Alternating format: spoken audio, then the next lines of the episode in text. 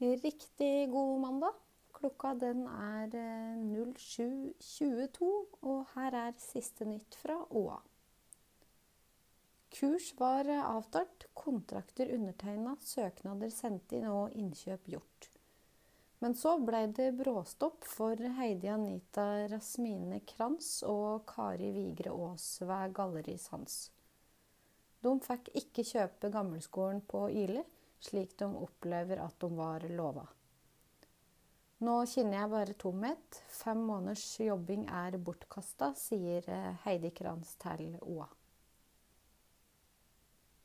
Over 9000 nordmenn og 34 460 personer fra hele Norden er på reise med selskaper under Thomas Cook.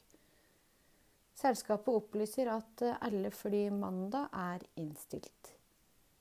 Litt over klokka tre natt til mandag opplyste Thomas Cook selv på sine nettsider at eh, forhandlingene med den britiske staten om en avtale for rekapitalisering av selskapet hadde brutt sammen. Fra det øyeblikket var selskapet teknisk sett konkurs, og det går derfor mot en styrt avvikling av selskapet.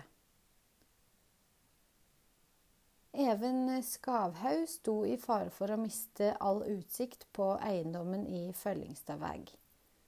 Nå har fylkesmannen gjort kommunens vedtak ugyldig. Skavhaug kjøpte seg hus i Følgingstadveg i Gjøvik ved juletid i 2015.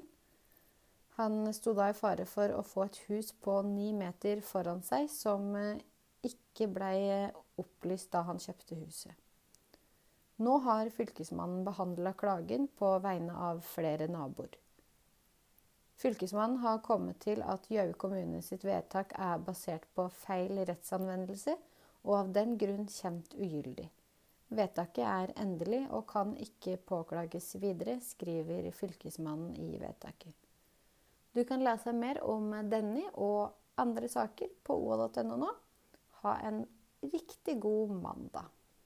thank you